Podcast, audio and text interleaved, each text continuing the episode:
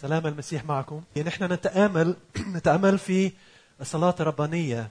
هي صلاة فعلا لو فهمنا المعاني اللي ورا الصلاة ديت بنتلمذ بنصير أقرب للمسيح بنمشي معه. فكتير مهم إن إحنا ناخد وقت ونتعمق في فهمنا لهذه الصلاة. صلاة كتير مهمة في حياتنا. نوصل اليوم في طلبة أظن الطلبة الخامسة في الصلاة اللي هو اغفر لنا ذنوبنا. كما نحن للمذنبين إلينا. طلبة كتير مهم. طلبة دي بتلخص معنى الإنجيل. في كلمات قليلة بتلخص معنى الإنجيل. فكتير مهم نعطي اهتمامنا بالكامل بهذه الكلمة اليوم. أدعوكم أن إحنا نقف مع بعض ونصلي هذه الصلاة أظن الصلاة ممكن تظهر على الشاشة قدامنا. ممكن أتمنى الموقف هذا. أيدينا مرفوع لله. إحنا بنقدم له حياتنا في الصلاة وفي نفس الوقت بنستقبل منه عن طريق. فالصلاة هيدي هي التبادل مع ربنا مع إلهنا. فخلينا نقرأ مع بعض في جو الصلاة. فصلوا أنتم هكذا أبانا الذي في السماوات ليتقدس اسمك ليأتي ملكوتك لتكن مشيئتك كما في السماء كذلك على الأرض. خبزنا كفافنا أعطينا اليوم. واغفر لنا ذنوبنا كما نغفر نحن أيضا للمذنبين إلينا. ولا تدخلنا في التجربة لكن نجنا من الشرير لأن لك الملك والقوة والمجد إلى الأبد. آمين. آمين يا رب. نصلي. إنك تنير اذهاننا تباركنا. يا رب بدينا نحن نفهم نعمتك أكثر اليوم ونمشي معك. نتجدد يا رب في هذه الحياة حياة القداسة حياة بتتبع السيد المسيح عن قرب. في اسمه نصلي. آمين. تفضلوا. يا إخوة وأخوات ساعات لما بنفكر في الغفران بنفكر في الغفران على الأرض. شو بقصد؟ لما أنا يمكن بغلط في حق حد يمكن باخذ مكانه وين بيصف سيارته يمكن آه، بخبط فيه بقول كلمة في الكلمة دي ممكن تكون كثير بسيط. ممكن كلمة مثل لا تؤخذني كلمة مثل معلش. كلمة مثل مش عليا. كأني بقول لهذا الإنسان أنا عارف إني غلطت في حقك أنا عملت شيء مفروض ما أعملوش بس خفيف شيء صغير وما في ضرر. لا لي ولا ليك. فمن فضلك تغضى على الخطية على الذنب على العيب. هل أنتم بتفكروا هيك لما نطلب غفران من ربنا؟ بدي أقول إذا كنا بنفكر بهذا الأسلوب لما نطلب غفران من الرب إحنا غلطانين مية بالمية. الغفران السماوي وحتى هنشوف بعدين الغفران الأرضي غير هيك غير هيك. في اعتداء حصل في مخالفة في معصية جبارة فخار كبيرة حصلت. ولازم نطلب الغفران. شو بطلب؟ المسيح مثلا كان كان بعض الفارسيين بيعيب عليه وبينتقدوا لأن ليه التلاميذ كانوا بيأكلوا بأيادي غير مغسولة. فهو كان بيوبخ الفارسيين وبيعلم التلاميذ في نفس الوقت شو بيقول؟ إن مش اللي بيدخل من الفم ينجس الإنسان. وأنتم فاكرين القصة آه قال اللي بيطلع من الفم اللي يخرج من الفم هو اللي ينجس الإنسان. ليه؟ لأن اللي يطلع من الفم اللي يخرج من الفم يجي من وين؟ من القلب. والمسيح وضع أكثر قال إن اللي بيطلع من القلب أفكار شريرة الزنا القتل الكبرياء الطمع كل هذه الأمور بتطلع من القلب. هكذا قال السيد المسيح. فيا إخوة وأخوات لما نطلب الغفران على ذنوبنا مش بس على ذنوبنا الأعمال البسيطة اللي عملناها مش كأني لما سرقت بونبونة من المحل وأنا صغير وأنا عملته فعلا. إني بطلب غفران من ربنا. يا رب سامحني. أنت لأنك كبير وبعيد وأنت شايف كل حاجة. أنا عارف أنت شايف وأنت عارف. بس ما في ضرر. يعني بونبونة والطفل ما في شيء. لا يا أخوة وأخوات. في أكثر من هيك. ولازم نفكر بأسلوب صح. حتى الأنبياء في العهد القديم لما بيتكلموا على الخطية يتكلموا على الخطية شيء غير. يعني شاية شو بيقول؟ أثامنا صارت فاصلة بيننا وبين إلهنا. وخطايانا سترت وجهه عنا حتى لا يسمع صلواتنا. إخوة وإخوات في في شيء في قلوبنا في خطر في سرطان في شيء كتير صعب. ولازم ننتبه. النبي إرميا شو قال؟ القلب أخدع من كل شيء. ونجيس من يعرفه؟ أنت كإنسان لا تستطيع أن تعرف اللي في قلبك. هيك بيقول الكتاب المقدس فإذا فكرنا بشكل أرضي بنفكر بشكل غلط. غلط مية بالمية. شو بيقول داود أنا في الخطيئة ولدت وفي الإثم حبلت بأمي. واو! داود ده راجل بحسب قلب الله. راجل بحسب قلب الله. شو بيقول الخطية؟ أنا الخطية في بطبيعتي في أعماق نفسي الخطية. فلما نطلب نطلب الغفران من الله بنطلب غفران عن شيء كثير كبير. وشيء ده فينا يا إخوة وأخوات. شيء ده فينا. مثلا طفل صغير أنا بتفرج على أحفادي. بحب بتسلى يعني بأحفادي بتفرج عليهم. بس أنا ملاحظ شيء إن ما حدش علم أحفادي هم أربع صبيان صغيرين ما حدش علمهم كلمة أنا. أنا. فكل ما حد يسبقهم كل ما حد ياخذ اللعبة بتاعتهم بيقولوا أنا بتاعتي. هذا ليا. أنا. فاكر قصة آدم وحواء؟ آدم وحواء؟ أصل كل الخطية. أظن القصة رائعة. يعني لأنه بيمثل بي بيصور قدامنا شو واقع الخطية. لما المجرب يجي يجرب أدم وحواء. شو بيقول؟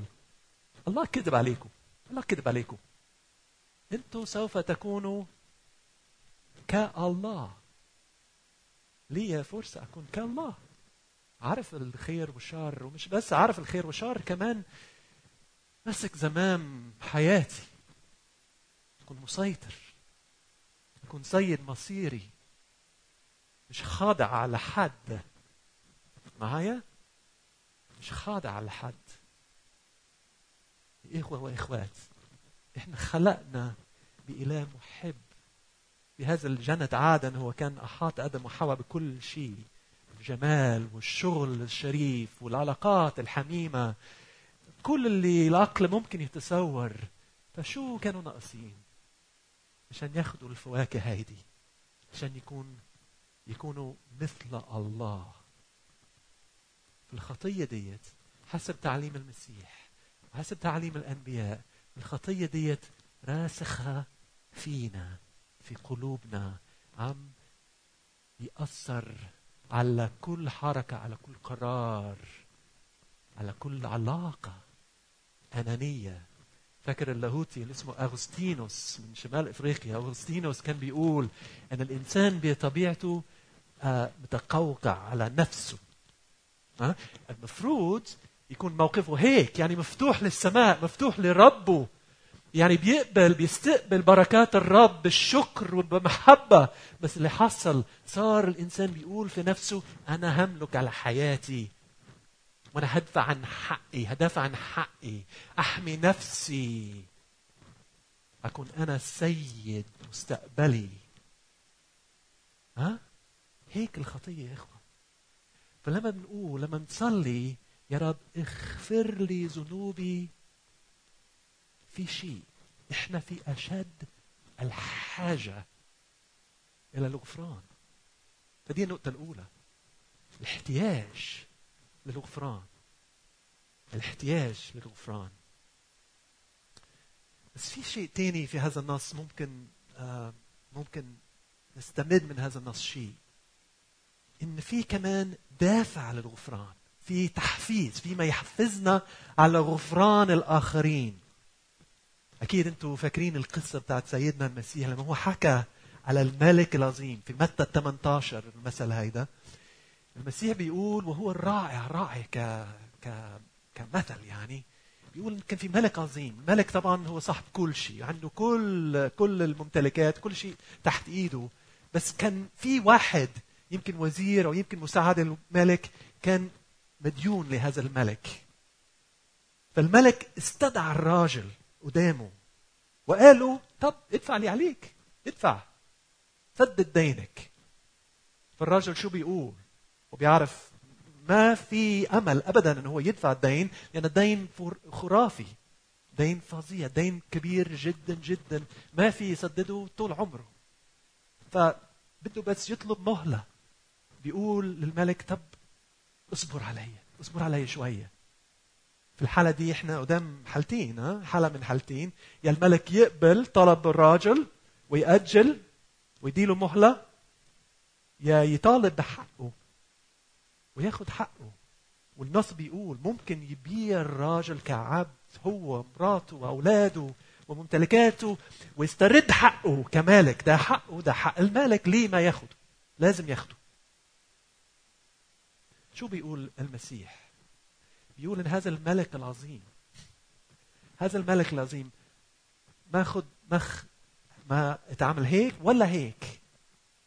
كان في طريق ثالث إنه قال لهذا الراجل المديون مغفور لك دينك. أنا بترك لك الدين. يعني الراجل ترك القصر الملكي في هذا اليوم وهو متحرر تماما. من عبء كان ثقيل على اكتافه من سنين سنين من عبء مش ممكن يتخلص منه ابدا. بس القصة لا تنتهي. وأنتم عارفين بقيه القصة هيك؟ الراجل شو بيعمل؟ بيطلع في الشارع بيلاقي واحد مديون له هو. مديون مش دين كبير مديون دين بسيط. بياخده بين يديه برقبته بيخنقه. هيك بيقول الكتاب. المسيح المسيح قاصد إن هو يورينا قد إيه مهم إن إحنا نغفر الآخرين. بياخد الراجل بين يديه بيخنقه بيقول ادفع لي عليك ادفع لي عليك. فالراجل المسكين تحت إيده بيقول نفس الشيء اللي قال المديون قدام الملك. بيقول اديني اصبر معي بس اصبر شوية اديني مهلة اديني وقت أنا هدفع الكل اللي عليا. وهو فعلا يقدر يدفع لأن الدين بسيط. لكن هذا الراجل الشرس القاسي قاسي القلب عم بيخنقوا بيقولوا لا ادفع كل شيء. طبعا الخبر وصل للملك. وشو رد فعل الملك؟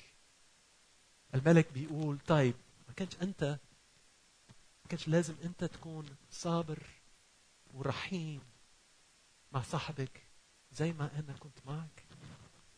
طيب إخوة وأخوات إذا كان ديننا قد هيك كبير لله نحن خدناه وحاولنا ننزله عن العرش ونعطي السيطرة والسيادة لأنفسنا وصرنا صرنا بالدم المسيح مغفورين. ليس علينا دين. ها؟ تحررنا تحررنا الدين كان كبير. إذا ما كانش الدين كبير يا إخوة إذا ما كانش كبير ليه جاء المسيح؟ ليه التعب ده كله؟ ليه المسيح يجي يتجسد ياخذ جسد الإنسان يموت بالشكل الخطية؟ لأن الكتاب المقدس يقول إن هو بجسده حمل خطايانا في جسده على صليب. يعني دفع دين مش مجانا مش بلا ثمن. ثمن غالي يا إخوة. ثمن غالي. فالمسيح بهذه الصلاة بيعلمنا افتكروا افتكروا الدين اللي أنتم تعافيتوا منه. صرتوا أحرار. أكثر من أحرار صرتوا أبناء وبنات. في عائلة الله أنتم مقبولين تماما بدون شرط ولا قيد. مقبولين حرية الغفران يا إخوة وأخوات. حرية الغفران. افتكروا تذكروا شو اللي حصل؟ هلا أنا عارف إن في في في حياتنا إساءات اعتداءات كثير صعبة. ممكن إساءة تحصل في قلب الأسرة. وكل ما نتذكرها نحب نحب نحب ندفعه بعيد. بيكون في عار بيكون في مشاعر صعبة بيكون في إدانة.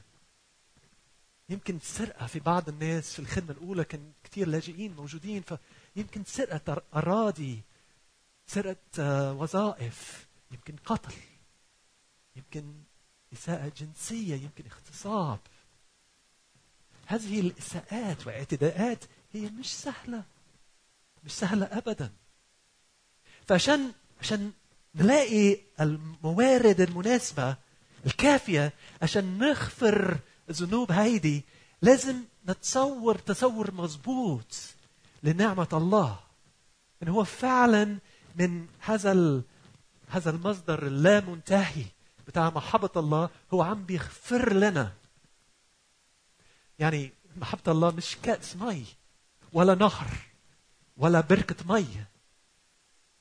محبة المسيح بحر نستقي منها ونسقي الآخرين نسقي الآخرين لما نفكر في الدافع للغفران أنا حبيت أقول بعض الاعتبارات أعتقد أنها مهم لأن الغفران مش دايما بيحصل في يوم وليلة مش دايما بيحصل في اللحظة مش لأني مقرر أني بغفر إن الغفران يتم بداخلي. ليه؟ لأن في جروح عميقة ولازم أتشافي من هذه الجروح بطريقة أو بأخرى. فالاعتبارات هذه أحب أقولها واحدة واحدة أن الغفران مش التماس عذر للظالم. فاهميني؟ مش إني بلتمس عذر. مش إني أنكر اللي حصل. بالعكس يا إخوة وأخوات الغفران له ثمن فإذا أنا كنت بقول اللي هو عمل فيا الاساءه اللي هو عاملها عليا الاعتداء لا شيء. مش مهم شيء تافه. ابدا ده مش الغفران. ده حساب غير صحيح تقدير غير صحيح للإساءة. فالغفران بيتوقع مننا من إحنا ان إحنا نحسب الأمور صح. إذا كان في حد أساء إلينا لازم لا ننكر لا نلتمس عذر. لا بنسمي الأمور بالحق. ده إساءة. هيدا اعتداء. هذا غلط في حقي. هذا ظلمني. تاني اعتبار إن الغفران مش مشروط بالطلب الغفران. يعني مش لازم اللي غلط في حقي يجي لي يطلب لي يطلب مني الغفران عشان أغفر له. بتذكر آه، وأكيد اللبنانيين اللي مع معنا هيفتكروا واحد اسمه آه، أسعد الشفتري. اسمه ده معروف. أسعد الشفتري كان قائد في في القوات اللبنانية أثناء الحرب الأهلية اللي دامت اظن شو 15 سنة هون. يعني كان سبب ضرر كبير. وهو كان القائد الثاني في المخابرات مخابرات القوات اللبنانية. وطبعا كان والئ تماما للموارنه وكان بيدافع عن الموارنه كل ما يجي إساءة على الموارنه هو يحس به شخصيا. وصار هذا هذا الإحساس بالإساءة ينمو فيه. وبكلمته هو هذا الإحساس بالإساءة كبر في داخله حتى صار شجرة شجرة مستولى على حياته بالكامل. فهو صار ينتقم من أعدائه ويأمر بتعذيب ويأمر بالقتل ويأمر بالسجن.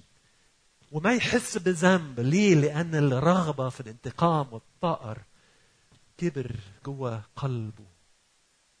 يا إخوة كل ما حد يسيء إلينا في بذرة تنزرع في قلوبنا. معايا؟ كل ما حد يسيء إلينا في بذرة تنزرع في قلوبنا. إذا سمحنا أن البذرة دي تنمو وتكبر ممكن البذرة تصير نبات ممكن تصير شجرة مثل حصل مع سعد الشفتري. ممكن يسيطر على حياتنا كلها. نفقد الضمير وحياتنا بيكون مسيطر عليها بالرغبة في الانتقام. بدي أقول يا إخوة وأخوات دنيانا العالم اللي إحنا عايشين فيه مليان انتقام مليان استخدام وسائل العنف مدام مليان طائر وعدوان وغضب. وين بيوقف هذا الغضب؟ أنا بدي أقول لكم الغضب ده بيقف معانا. بيقف عند حد ملكوت المسيح. فنحن كناس مختبرين الغفران فينا نعطي الغفران الآخرين. فينا نعطي الغفران الآخرين. كثير مبسوط أقول لكم أسعد الشفتري. رغم الشجرة دي شجرة المرارة اللي كبرت في قلبه عرف يخلع الشجرة. لما رجع في تعليم كتابه تعليم السيد المسيح وفهم قد إيه هو مغفور وفهم انه هو لازم يغفر للآخرين. ولما فهم انه هو لازم يغفر للآخرين فهم تماما انه هو كمان لازم يطلب غفرانهم. وأسعد الشفتري ده القائد الثاني في مخابرات الكويت اللبنانية نشر في في الصحف اللبنانية طلب غفران لكل اللي هو أساء إليه.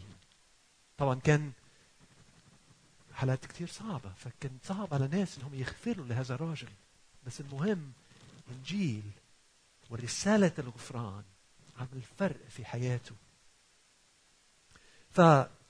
فالغفران مش التماس العذر. الغفران مش مشروط بالطلب الغفران وكمان الغفران مش السمح. ما هو السمح لناس انهم يستمروا يدوسوا علي أو يظلموني.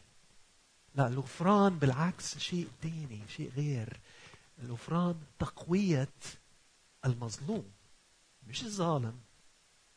مش رخصة لظالم انه يستمر في ظلمه. تقوية المظلوم. فتحسس نفسك مظلوم حد اساء إليك كيف بلش تاخذ سيطرة على الموقف؟ كيف تفلت من تحت إيد هذا ظالم؟ تفلت من تحت إيده بالغفران. بدي النقطة الثالثة. النقطة الثالثة هي تأثير الغفران. تأثير الغفران. لكن قبل ما أقول النقطة دي كان في آية حبيت أقرأ لكم لو أنتم بتعانوا من الإساءة العميقة الجرح العميق في مبدأ كتابي مش كثير بنتكلم عنه. المبدأ ده بيقول بولس بيقول في رومية 12 أظن آية 19 بيقول لا تنتقموا أيها الأحباء بل دعوا ليه شو؟ دعوا لغضب الله. لأن الكتاب يقول الانتقام لي يقول الرب. أنا أنتقم. فالغفران فينا نطلق الغفران ليه؟ لأن في حد كبير في ديان. ديان كل الأرض ألا يصنع عدلا؟ عندنا ثقة. أن حتى الظالم حتى المسيء إلينا الله يدين. فبالتالي نتحرر. نتحرر. كيف نتحرر؟ شو تأثير الخطيئة تأثير الغفران؟ مثلا لو تصورنا إن الغفران ده أو أو خلينا نقول الاساءه ديت الزوم اللي اللي عانينا منه مثل زنزانة مثل زنزانة بالضبط. وبالذكريات الصعبة والجروح العميقة أنا عايش جوا الزنزانة. والراجل أو المرأة اللي اللي فرض علي هذا الظلم ماسك المفتاح. فانا اسير. شو بعمل؟ أنا باخذ من ايده هذا المفتاح. باخذ سلطته اللي هي المرارة اللي جوايا اللي هي الرغبة في الانتقام اللي عم بتفسد حياتي. بحط هذا المفتاح في الزنزانة بفتح الباب بفتحه وبطلع. بتحرر. بتحرر. ببلش حياة جديدة. عشان هيك بيقول السيد المسيح إن إحنا لازم نتولد من جديد. هذه الطبيعة القديمة اللي كانت فينا إن إحنا نحب ناخذ السيادة على حياتنا لازم ده يتغير تماما ها أه؟ ونحط الرب تاني على حياتنا ملك حياتنا يعني نعكس الوضع. العالم اللي إحنا عايشين فيه مليان حروب مليان انتقام مليان استخدام الأسلحة ووسائل العنف. لكن عند حدود الملكوت هي ردود أفعال تتوقف. وإحنا نكون لازم نكون أشخاص مختلفين. لازم نتحرر لازم نخلع جذور المرارة والجرح اللي فينا. نطلق الغفران الغفران يطلقنا نطلق الغفران والغفران يطلقنا نختم بقصة آه، قصة حقيقية قصة من بلدي وهي قصة صعبة. فبحذركم آه، قدام إن القصة صعبة. حاول أحكيها يعني بشكل بسيط. يمكن تكونوا عارفين إن في جماعة في أمريكا اسمهم الأمش. الامش دول ناس كتير متمسكين بمبادئ المسيحية ومبادئ الكتاب المقدس لدرجة إن هم بينفروا من التكنولوجيا وتقدم العالم وبيعيشوا ببساطة. حتى في لبسهم في وسائل النقل في كل شيء بيعيشوا ببساطة كبيرة. فمعروفين هم مشهورين في كل البلد إن هم ناس عايشين المبادئ الدينية العنف والتسامح وكل المبادئ هيدي ففي 2006 في 2006 حصل موقف كثير صعب. واحد اسمه تشارلز روبرتس كان مريض عقليا وفي لحظة من الجنون خد الأسلحة بتاعته وراحت لمدرسة الآمش الجماعة الدينية هيدي ودخل في الصف وطلع كل الأولاد كل الشبان كل وخلى الشابات الصبايا جوا الصف عشرة منهم عشرة بنات. من الآمش. تشارلز روبرتس ما كانش من الآمش كان عايش في نفس الضيعة بس مش من نفس الجماعة. فهو كان غالبا كان ناوي يعمل آه، نوع من الإساءة الجنسية عليهم. لكن اللي طلعوا من الصف اتصلوا بالبوليس البوليس جاية في سكة. وتشارلز روبرتس صار عارف انهم جايين في سكة. ففي لحظة من الجنون خد الأسلحة بتاعته وأطلق النار. واحد اثنين ثلاثة أربعة العشرة. ولما خلص العشرة أطلق نار على نفسه انتحر. خمس من البنات توفوا وخمسة عاشوا. دي قصة كتير صعبة ومش رغبتي اليوم إني أثير حالة الاكتئاب في وسطنا. رغبتي شيء غير. يعني في قصة غفران ورا القصة دي. من مبادئ الآمش إن هم لا يبحثوا عن الانتقام. مرت تشارلز روبرتس مراته زوجته وأولاده ثلاثة كانوا عايشين في نفس الضيعة وكمان والده ووالدته كانوا عايشين في نفس الضيعة. تصور الرعب اللي استولى عليهم لما هم سمعوا الكلام ده سمعوا الخبر لابنهم زوجهم ارتكب هذه الجريمة الضخمة الفظيعة. فعادوا مرعب مرعوبين. شو هنعمل؟ نهرب؟ نطلب حماية من البوليس؟ يمكن حد يجي يقتلنا؟ ما بنعرف. يا اخوة أخوات في نفس يوم الجريمة. وفد من الأمش. وصل لباب والدي تشارلز روبرتس. خبطوا على الباب. وهي أمه من جوا مرعوبة. شو هتعمل؟ تفتح الباب؟ ما تفتحش الباب.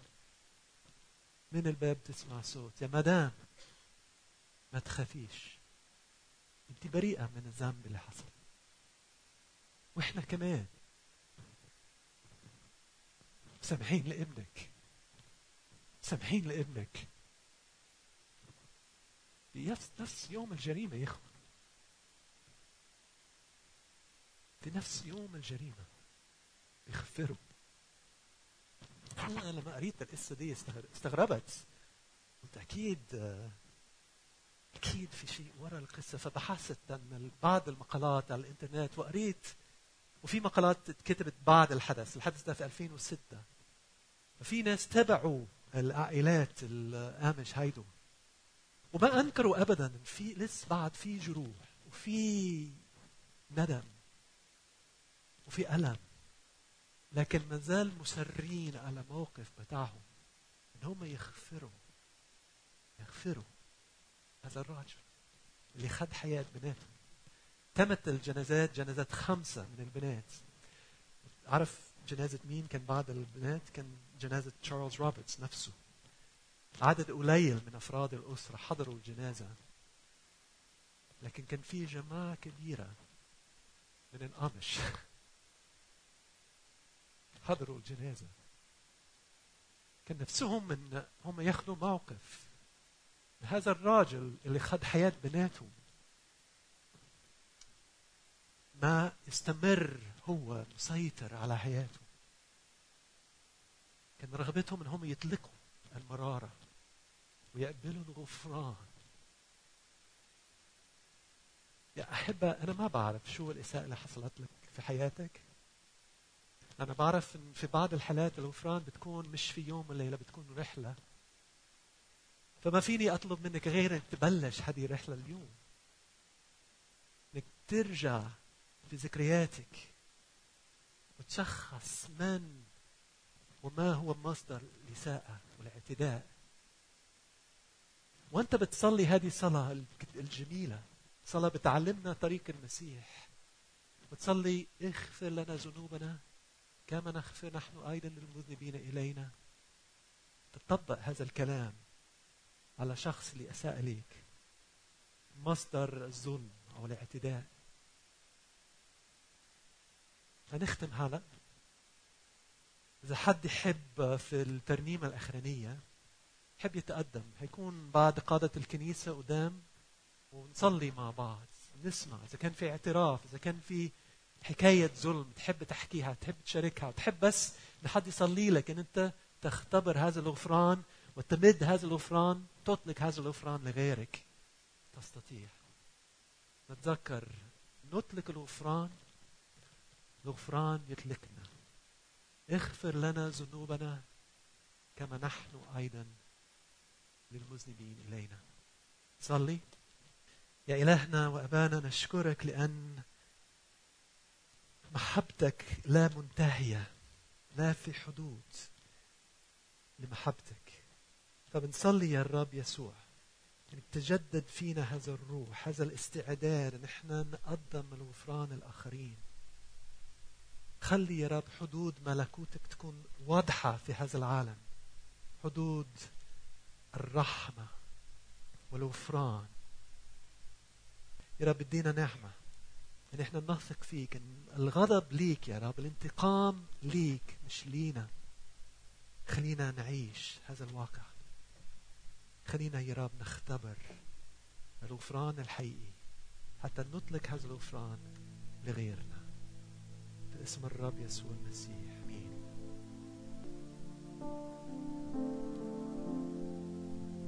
إثناء الترنيمة خلينا نتخذ الفرصة نصلي. نصلي مع قادة الكنيسة مع القادة الروحية في الكنيسة. وخلينا آه، نتعمق في هذا الفهم فهم الغفران.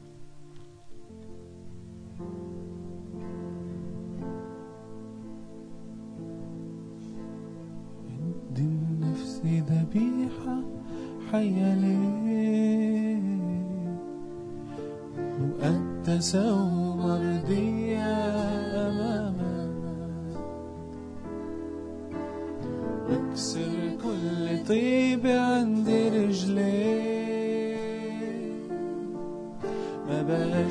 حياتي غالي قدامك. بقدم نفسي ذبيحة حية ليك. مقدسة ومرضية.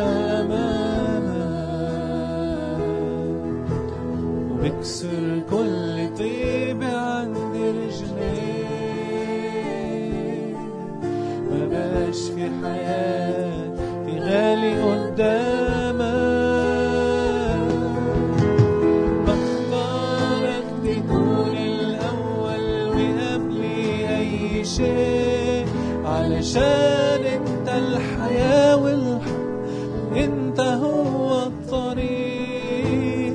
بختارك تكون الأول وقبلي أي شيء. علشان انت الحياة والحق انت هو الطريق.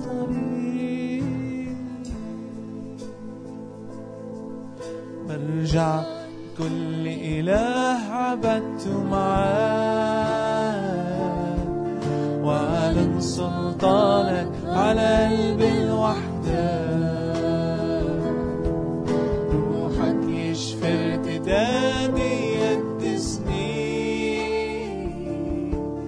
ويقعد يصنع لي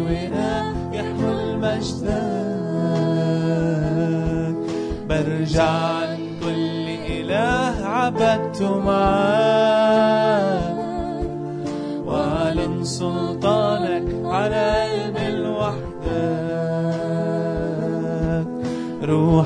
يشفي ارتدادي قد سنين ويقعد يصنعني إناء يحمل مجدك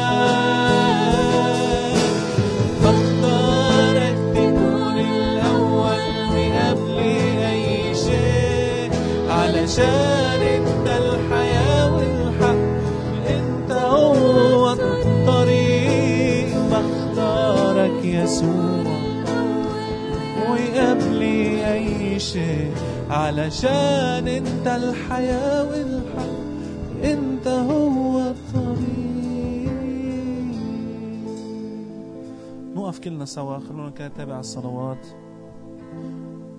يا ريت بنقدم لقدام في أشخاص كثير حيصلوا معنا بطلب من الأسس بالكنيسة نقرب كلنا نحط حياتنا قدام الرب نحن عم نصلي ونعبد الله.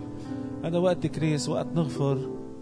لبعضنا البعض نغفر للأشخاص اللي بيساءوا إلينا. ونحن نطلب الغفران من الرب. هذا أهم شيء الوعظه نطبقها بحياتنا. نقول له نعم يا رب. أنت وقتها بتقبلنا بنقبل كل شيء يا رب. بنقبل كل الناس حوالينا. ما خل... ما تخلينا يا رب نحمل ضغينة بقلوبنا.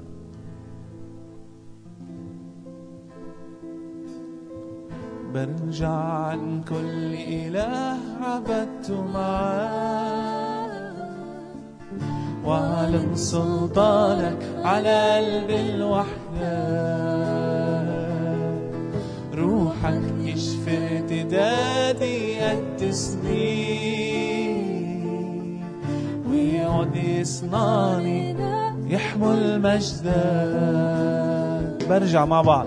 برجع عن عبدت معاك واعلن سلطانك بالوحدة. روحك. روحك يشفي ارتدادي قد سنين. ويقعد يصنعني يحمل مجدك مع بعض نصلي للرب. بختارك تكون شيء علشان انت الحياة والحق. انت هو الطريق بختارك أي شيء علشان الحياة والحق انت هو الطريق. هللويا بنتابع الصلاة. بعد عنا عشر دقايق. هيدي السلسلة هي حول الصلاة. كيف بدنا نتشجع نصلي أكثر لبعضنا البعض؟ يمكن حلو نبلش نصلي هلأ بقلوبنا لأكثر شخص يزيك بالحياة. مين الاسم الأول يلي بيجي على ذهنك؟ مين هو الشخص يلي طعنك يلي جرحك؟ يلي خدعك.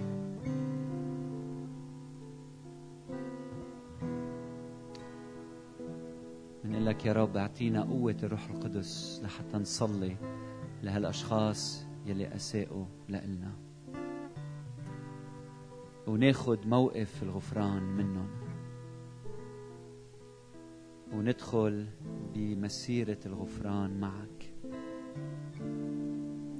ونعلن بقوة روحك يا رب بعدم استحقاق منا وبشعور إنه نحن غير قادرين.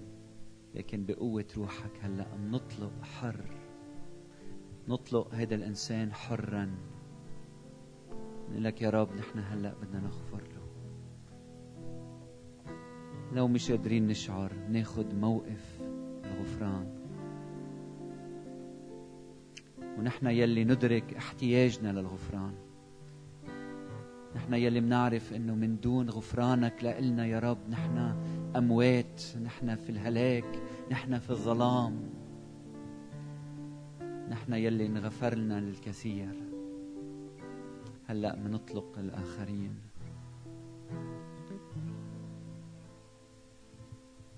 نتحرر.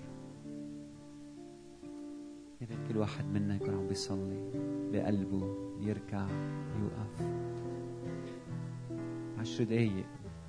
ما بدنا تمر هالفرصة الثمينة من دون ما نغفر. بتحب تقعد إذا تعبان؟ اغفر واطلب الغفران. اطلب الغفران وغفور المسيحية غفران. اللي أساءوا لك أنت وصغير. أنت وكبير قبل ما تتزوج لما تزوجت بعد ما تتزوج. ولادك أمك بيك خيك زميلك رفيقك. شخص وثقت فيه بالكامل. واعطيته كل شيء عندك. التفت وطعنك. استخدم صدقك وانفتاحك وأمانتك لحتى قل له يا رب انزاع هالسكين من قلبي. أنا ما عم أعرف شيله يا رب. هيدا السكين كربجني كربج حياتي. هيدا السكين أسرني. حول المستقبل يلي كان. كله أمل بحياتي لمستقبل في حزن وظلام ويأس.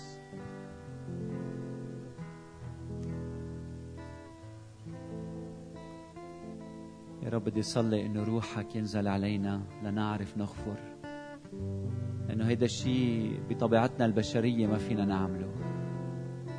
إحنا بنحتاج لسلطانك أنت لنغفر. تأمل فكر بينك وبين الرب.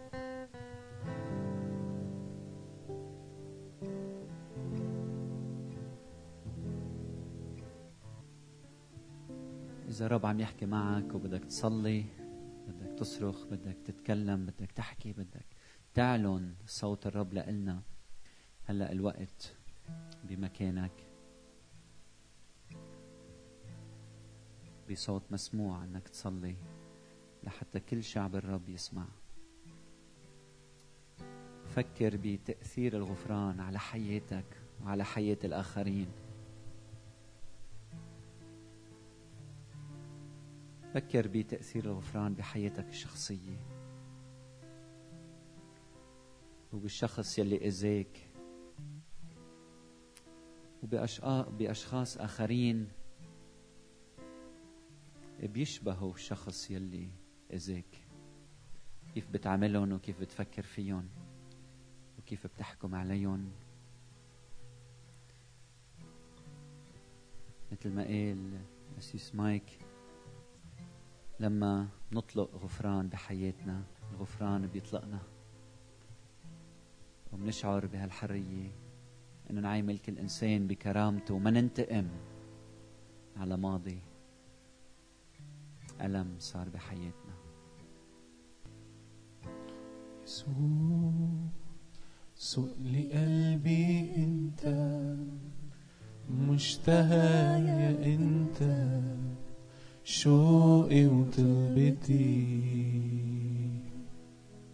مشتاق أكسر كل غالي تبقى أنت انشغالي مجدك أعيش يسوع سوق لي قلبي أنت مشتهى يا أنت. شوقي وطلبتي مشتاق أكسر كل غالي تبقى أنت انشغالي مجدك أعيش. يسوع حمسك ومش حرخي أنا قلبي تعلق فيك انت اللي أنا حاش ليك بتموت. حسجد عند رجليك والغالي بيرخص ليك ده الكل ما يساويك يسوع حمسك ومش حرخيك أنا قلبي تعلق فيك. أنت اللي أنا حعيش ليه حسجد عند رجليك والغالي يرخص ليه ده الكل ما